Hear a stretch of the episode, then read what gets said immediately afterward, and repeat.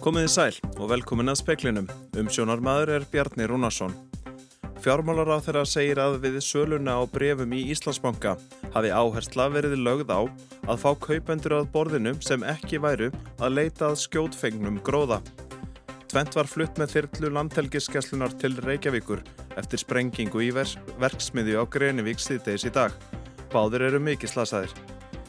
Íbúum úkrænsku borgarinnar Kerni Híf er haldið í gíslingu af rústneska hernum að sögn umbóðsmanns mannrættindamála í Ukrænu. Frankvæntastjóri NATO bóðar aukin viðbúnað í Östur-Evrópu. Fráfarandi formaður starfskreina sambandsins vonast til að öldurinnan verkalýshreyfingarnar lægi á næstunni. Þar geti eftirmaður hans lagt hönd á pló. Frá með 1. apríl verða hraðpróf hjá engafyrirtækjum ekki lengur ókipis. Karl og kona eru alvarlega slösuð eftir sprengingu í versmiðu Farm Artika á Greinivík.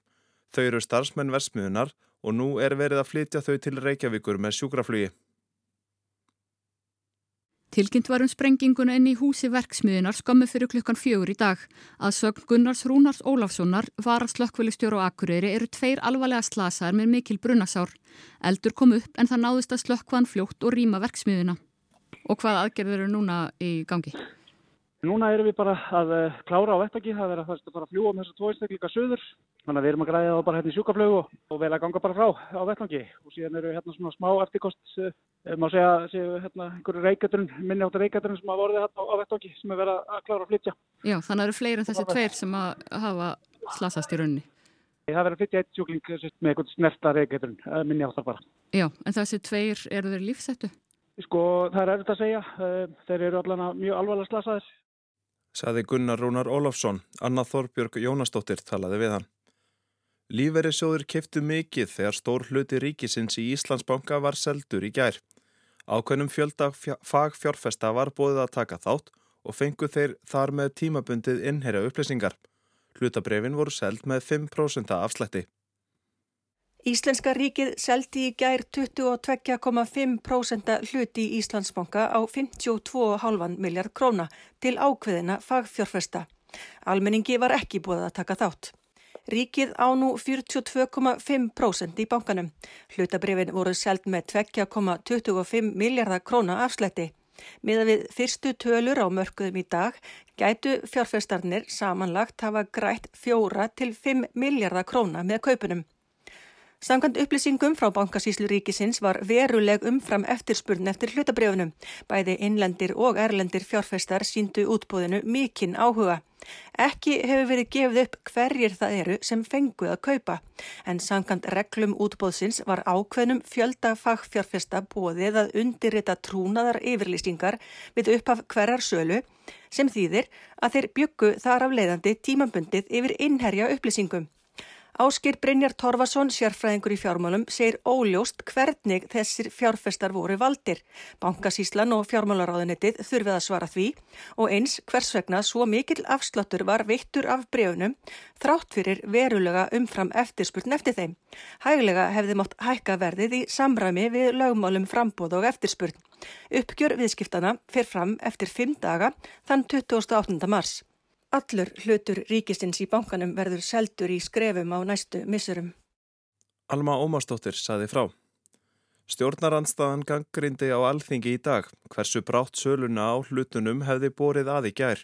Bjarni Benediktsson, fjármálaráþara, segir að þegar þessi leið sé farin þá þurfi salan að fara fram, fara fram frá því að markaðir loka og þar til þeir opna næsta dag.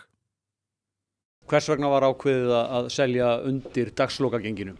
Já, það er niðurstaða sem að bankasíslan kemst að eftir að hafa sapnað öllum tilbóðunum að, að hérna, tilbóðin eru upp á ákveðið magna á ákveðinu gengi og þegar að mann fara þessa tilbóðsleið þá auðvitað, e, eru tilbóðsgjafar með vendingar um að fá eitthvað lagra gengi henn á markaði. Það er bara eðli þessa fyrirkomlags og ég held að svona tilbóðsleið hafi hverki verið farin þannig að niðurstaðan hafi verið markasverði eða þaðan af herra. Eigendur á þessum hlut, er þetta yfirgnefandi meiri hluti lífriðsjóður?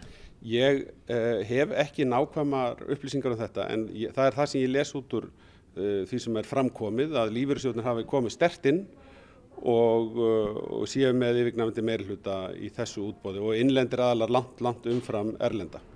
leggið áherslu á það að, að, að sko, þeirra aðlilega sem kaupa þetta séu aðlilega sem að njóta tröst svona í ljósi sögunar? Já, við gerum það og við erum líka að horfa til þess að uh, fá aðila sem að horfa til þess að halda á eignarhlutnum séu að hugsa til lengri tíma en séu ekki bara í leita skjótfengnum gróða. Saði Bjarni Benediktsson, Valger Örn Ragnarsson talaði við hann. Framkvæmdastjóri Allandshafs bandalagsins sló taktinn fyrir neyðarfund leðtóa NATO á morgun og bóðar aukin viðbúnaði í Östur-Evrópu. Umbóðsmaður mannrettinda í Ukrænum segir rúsneska herin halda íbúum borgarinnar Tjernitsíf í Íslingu. Þrátt fyrir vopna hlið á sumum stöðum í Úkræðin í dag til þess að koma almennum borgurum í örugt skjól er enn hart barist viðsvegar um landið. Áhyggjur af afdrifum íbúa í borginni Tjernihíf aukast stöðugt.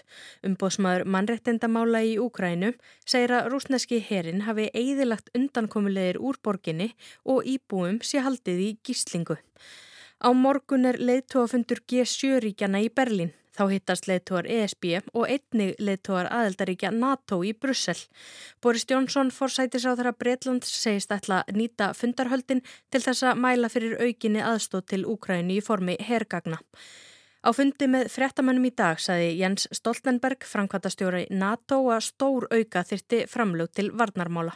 Major reinforcements to our security will require major investments in defense. So I expect allies will agree to redouble their efforts to invest more. Fleiri fyrirtæki hafa tilkynnt brottkvara frá Rúslandi. Svisneski matvælaframleðandi Nestle ætlar að hætta sölu og súkulæðinu KitKat og Neskvik kakódufti. Volodymyr Selenski fórseti Úkrænu kvatti í dag fransk stórfyrirtæki eins og bílaframleðandan Runo að gera slíktið sama. Úkrænu hér segist sækja fram gegn innrásaleðinu og stjórnvöldi í bandaríkjanum segja vísbendingarum að úkrænski herin sé í aukinni sókn. Í dag tilkynntu svo stjórnvöldi í Svíþjóð að þau ætla að senda fleiri hergögg til Úgrænu. Ólef Ragnarstóttir saði frá. Fráfarandi formaður starfskreina sambandsins vonar að eftirmaður hans leggji áherslu á að læja öldur innan verkalýshreyfingarinnar. Þing sambandsins var sett á Akureyri í dag. Þryggjadaga þing starfskreina sambandsins var sett á Akureyri í dag. Nýr formaður verður kjörin á föstudag en Björn Snæbjörnsson lætur af störfum eftir 12 ára formensku. Hann segir mikilvægt þingi vændum. Félagin hafa verið að undirbúa kröfugerði sína fyrir komandi haustið og það náttúrulega verður rætt rosalega mikið á þessu sam, sambandi við kjaramál og það verður líka rætt um húsnæðismál og, og lífeyrismál og, og fleira sem verður á þessu þingi þannig að það er auðvitað margt framöndan en auðvitað stendur upp úr það að samningar losna í haust og, og menn er að, að fara í það að undirbúa, undirbúa það. Þú gefur ekki kostaðir áfram kannski aðeins að því, hvers vegna ert þú að stíga fram? Já, ég er bara 69 ára gammal og, og hérna, ég, mér finnst að, að hérna, menn ég bara gefa öðrum tækifærið. Tveir hafa búið sér fram til formans, Þórarinn G. Sveinsson, formaður Öldunar og Viljálmur Birgisson, formaður Verkalýsfélags Akranes. Ég tel að, að koma til formaður starfinarsambansins þurfa að leggja mjög mikið upp úr því að geta að tala við alla, eh, reynda að ná þessum 19 félögum sem eru innan starfinarsambansins, ná þeim saman og hann verður að leggja mikið ástu til þess að, að, að ná og halda friði inn í sambandinu sem hefur reynda verið með ágetum undarfærið. Þetta var Björn Snæbjörnsson, Óðinsvann Óðinsson talaði við hann. Frá og með mánaðamótum ætla ríkið að hætta að endurgreiða kostnað vegna hraðprófa. Heilsugjastlan og heilbreyðistofnanir munu þó áfram bjóða upp á einnkenna sínatöku að kostnaðar lausu. Raglugerinn tók gildi í haust og fól í sér að enga aðilar sem önnuðist hraðpróf til greiningar á COVID-19 vegna hraðprófsviðburða eða útgáfi vottorða fyrir ferðamenn gáti bóðið upp á þjónustuna endurgjaldslaust. Einkenna sína taka hjá heilsugæslu og heilbreyðstofnunum verður áfram ókeipis, bæði hraðpróf og PCR-próf. Gjald fyrir PCR-próf til að fá vottorð vegna ferðarlega verður áfram 7000 krónur. Öryggismiðstöðin sem hefur bóðið upp á ókeipis hraðpróf menn frá 1. apríl rauka einstaklinga 6.980 krónur fyrir þjónustuna. Reglur um ábókanir verða einni settar og fólki gert að ábóka með að minnstakosti 48 klukkstunda fyrirvara. Rebecca Líf Ingadóttir tók saman.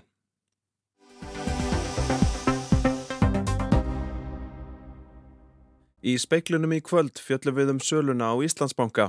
Almenningi var ekki bóðið að taka þátt í útbóðinu þegar ríkið seldi 15 hlutsinn í bankanum, líkt og gert var senasta sumar. Hvað skýrir það og er æskilegt að ríkið eigi í böngunum áfram. Við ræðum við má Wolfgang Mixa, lektor, um söluna. Í setninluta þáttarins kynnum við okkur svo líferismál. Margir hverjir skella skotla eirum þegar líferismál ber á góma og velta þeim lítið sem ekkert fyrir sér. Þetta getur komið í bakið á okkur og ekki ráð nema í tíma sér tekið. En við byrjum á Íslandsbanka. Síðdeis í gær var tilkynnt um sölu á rúmlega 15 slut ríkisins í Íslandsbanka. Eftirspurn var mikil og fekk ríkið 52,5 miljard fyrir hlutina sem voru seldir og á nú 42,5% í bankanum. En ekki kemur ljós hverjir keiftu fyrir enn í næstu viku.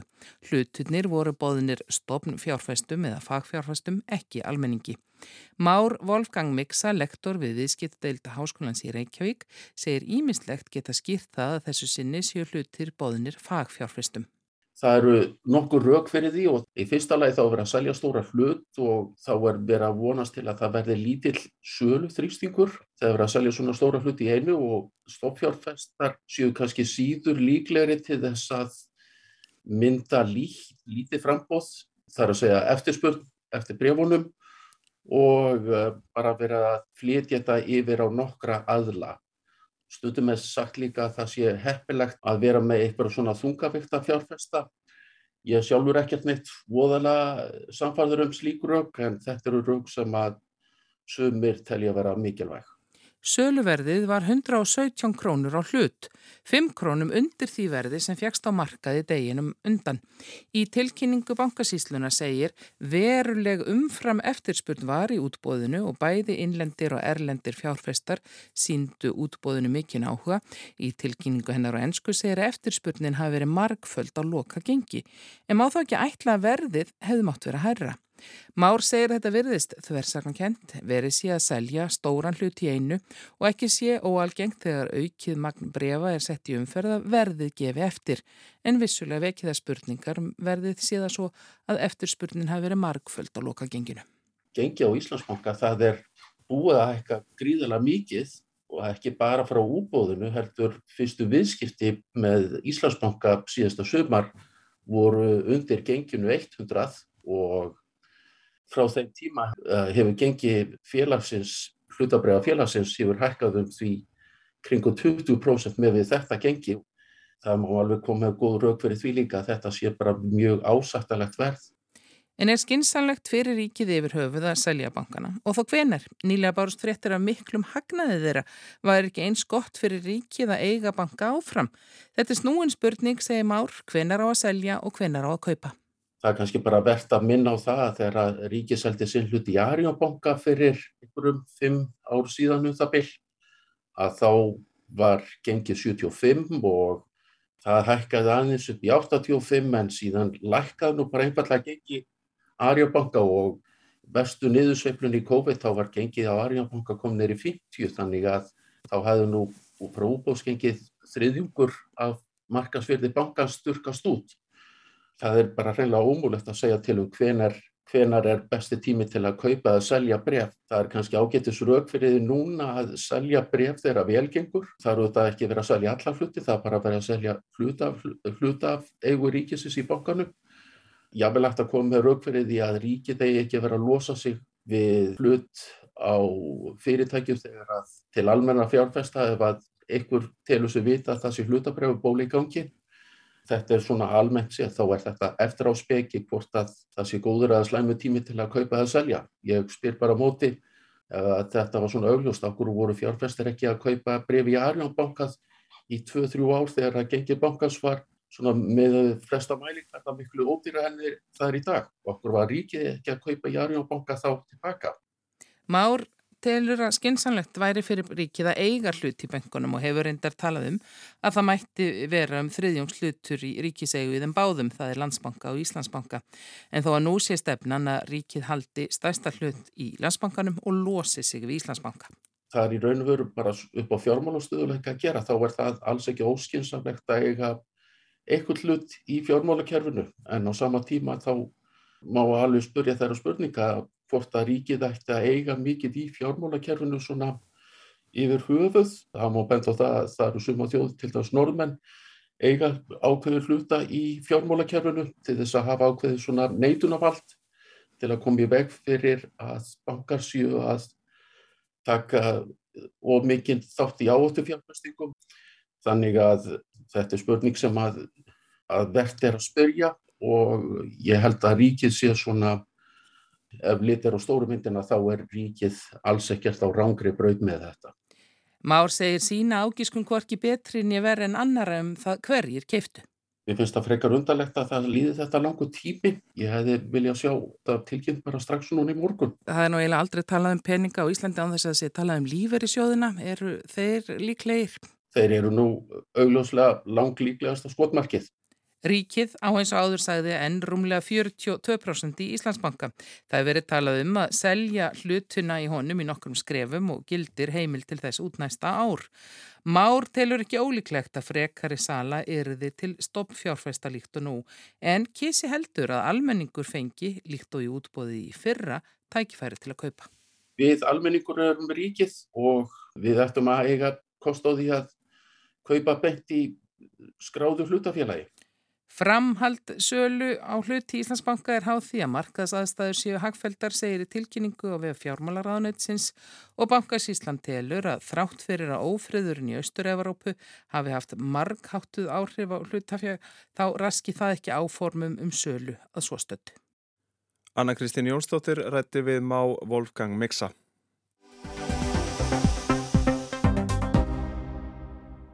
Allt og margir spá lítið sem ekkert í lífeyrisréttindum sínum og fólk er helst til kærulust með að ganga úr skugga um að allt sé með feldu. Lífeyrisréttindi sambúðarfólks geta verið misjöfn og það þarf að passa tímalega að réttindi hvers og einn séu tryggð. Speillin rætti í dag við Þóreyju S. Þórðardóttur, framkvæmdastjóra landsambans lífeyrissjóða og fyrst var spurt hverju fólk flaskar helst á í lífeyrismálum. Það sem er algengast er að fólk hugsi bara ekkert um þessi mál og trúi því að þetta sé allt í góðum málum og, og það þurfum við bara ekki að gera neitt. Ef á reynir að þá hljóti þetta bara að vera allt saman í lagi en það er ekkit alltaf þannig. Við erum með skildutryggingkerfi og, og það eru allir að taka þátt og eiga þar að leiðandi mikil réttindi lífriðsjóðkerfinu og það verður kannski til þess að fólk er uh, svona ómeðvitað og verður, má ég að segja, bara svona kærlust um sín réttindi og þetta viljum við laga að fólk axlir svolítið ábyrð á sinni réttindu uppbyggingu og kynna sér málinn af því að það er hægt að gera ymslegt og fólk þarf að skipulegja uh, svona sín tryggingamál og sín lífurséttindi. Þetta er ekki eitthvað sem að gerist bara á sjálfum sér uh, þótt að gera það stóru leiti. Þannig að við viljum svona hvetja fólk til þess að fara að snemma að stað og huga þessum málum. Og þetta sé bara svona reglulegt sem við gerum eh, hverju sinni, svona, við gerum skattskíslun okkar og skilum þessu, þetta sé svona málefnin sem að okkur eigi að líða bara vel með að við sem erum búin að skoða þetta og við vitum nákvæmlega hver stað okkar er ef eitthvað bjótar á. Mjög margir eru ómeðvitar um að lífursjóðakerfið er skildu tryggingakerfi, þar er leiðandi að við verðum fyrir áföllum á lífsleðinni að þá er oft verulega góð áfallalífurir, bæði örorkulífurir og makalífurir og barnalífurir og það er hægt að velja á milli og fólk það er bara svona að skoða stöðuna, þarf það að tryggja sér betur, er það óþarfi að kaupa frekari tryggingar? Það skiptir mjög miklu máli að fólk áttir sig á e, viðbótalífurisbarnaði er fólk að taka þátt? Eða er það ekki að gera það og þar er hættan að, að fólk kannski skiptur um starf, gerði eitthvað samning um viðbúta lífeyrisbarnað og, og heldur bara að þetta sé í lægi og svo skiptur það um vinnu og, og þá hugar það ekkit að málunum og það er engin samningur og vakna kannski upp að ah, ég er bara búin að fara að misvið mótframlega launagræðanda eh, sem er náttúrulega bara mjög sorglegt. En svo er sumir vilja ekki að leggja fyrir í viðbúta lífeyrisbarnað en, en það sem að er mjög mikilvægt, það er að fólk fari og skoði sína stöðu hver er staða mín og minna í, í grunninn, bara sinnar fjölskyldu tryggingar.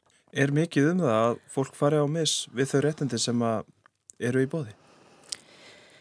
Ég vona ekki ég vona að það sé ekki algengt en þetta á ekki að vera svona eitthvað, eh, eitthvað tilvílinakent.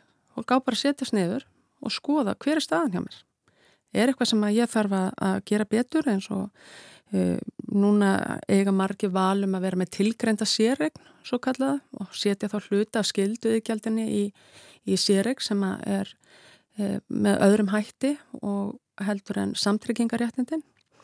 Uh, það hendar alls ekki döllum að gera slíkt en það gerist ekki á sjálfum sér og þeir sem að kjósa að, leggja fyrr uh, alltaf 3,5% af sínu yðgjaldi í tilgrænda sérregna að þeir taka þá valum það að vera með minni uh, ævilanga lífiri og, og lagari áfallalífiri að samaskapið því að það er, þá ert ekki með þetta samtryggingu heldur meira svona sérregn uh, niður á persónuna.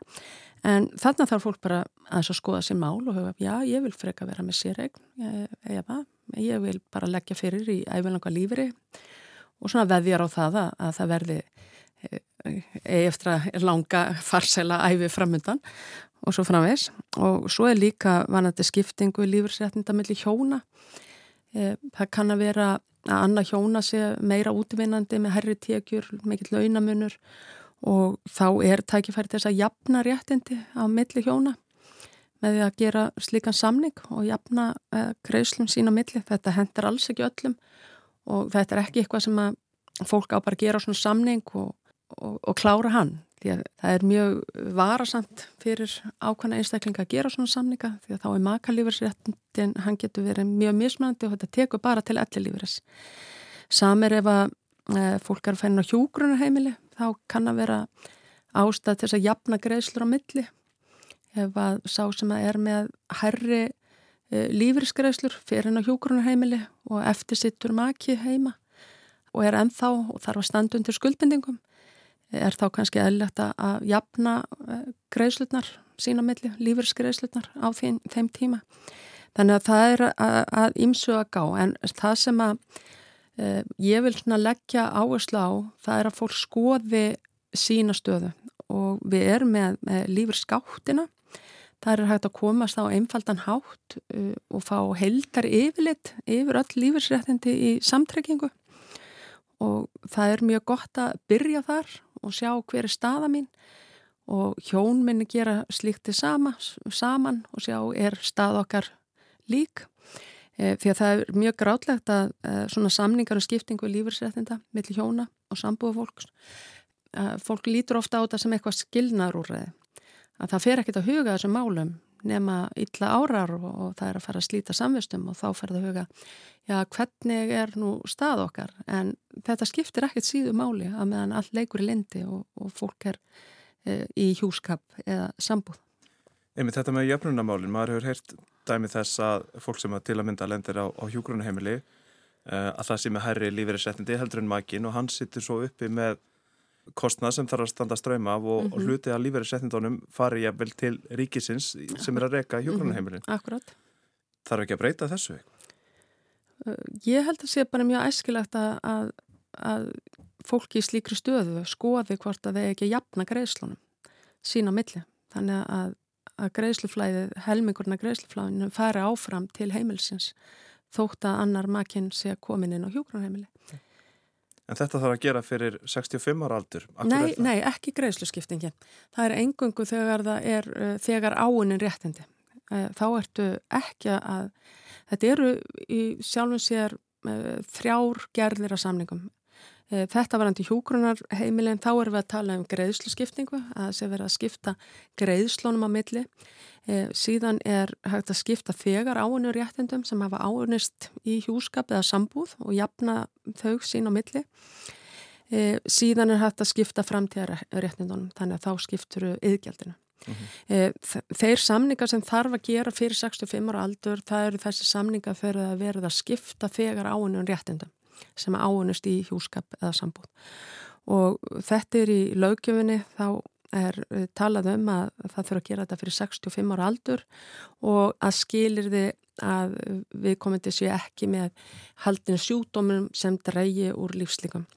Uh, Hugsunna bak við slíkt laga ákvæði er svo að þú eigir ekki að tryggja eftir á. Þannig að einstaklingur sem að sér fram á að hann uh, sé komið með bannvæn á sjúkdóm og, og þá hugur hann að því að það verður bara skynsalegt að, að koma einhverjum af þessum réttundum yfir á makaminn. Þannig að það er sjálfur sér verða uh, komið veg fyrir svona misnótkun á kerfinu. Þannig að það far ekki að auka skuldbindingar. Og að samaskapi sett inn í þetta ákvæði að uh, slíks samningar um skiptingu þegar ánuna réttinda eigi ekki af áhrif á, á lífur skuldbindingar uh, sjósins og það hefur líka komið til tals vegna þess að þetta skilir þið að lífur skuldbinding sjósins á ekki að hafa, þetta ekki hafa áhrif á hana. Þá uh, horfum við á að konur lifa jafnaði aðeins lengur en kallmenn þannig að það, þá er litið til þess þegar svona samningar eru gerðir með þessum afturverka hætti. Það væri sjálfur bara í hennum fullkomna heimi, þá væri mjög skynsalegt að leiðum fólk hæfi sambúð eða hjúskap þá myndi það bara byrja að skipta eh, réttindunum sínum, bara ávinstunni strax og þá, þá þýrt ekki að huga þessu hvort að það hefur áhrif á skuldbindingarnar eða slikt.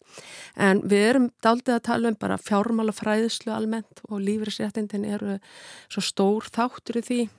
Við eigðum alveg gríðalöfum tíma oft að huga því að við, erum að kaupa okkur nýja bíl eða eitthvað nýtt ramastæki og slíkt og lesum bæklinga og hoppum hinga og þanga og skoðum þetta. En lífeyrsréttindin eru í flestum tilvægum miklu, miklu, miklu uh, stærri fjárasli eign heldur en nokkuð tíman einhverjar eh, ákvarðanum bílakaup eða slíkt. Og ég held að það sé bara mjög uh, verðt fyrir fólk að gefa sér tíma setjast niður og horfa hvernig er staða mín, er eitthvað sem ég get gert og haft áhrif á mm. í þessum efnum? Það er oft talað um það að hver og einn eigi að vera sérfræðingur í lífeyrismálum en á vinnumarkaði er fólk allstaðar að, erlendis frá og fólk sem hefur mismikinn áhuga og kunnáttu á, á þessum fræðumöllum hver svona gætir þess að til að mynda fólk erlendis frá fái þau réttindi sem að það á tilkall til? Er það bara vinnuveitandans? Nei, ég held að sko, þetta er alls samfélagsins. Eh, það hefur verið aukast mjög mikið erlendu vinnuafli á Íslandi og því að gert að greiða hér lífri sjóð og, og það ávinnu sér réttindi eins og bara aðrið sem er á vinnumarkaði á Íslandi. Eh, þessir einstaklingar eiga oft erfiðara með að afla sér upplýsinga um sín réttindi og hjá landsamtökunum þá höfum við sett á lakirna vinnuhóf sem er ymmit að rína og greina stöðu fyrra þessa hóps sem er að Erlendu bergibrótin e, og þar er bara mjög mikið verk að vinna að koma upplýsingum, þannig er náttúrulega stjættafjöluinn, þau spila stóran þátt í þessu, atvinnreikandur og þjóðfélagið í held í sjálfum sér að við þurfum að virkilega að gera betur í þessum efnum.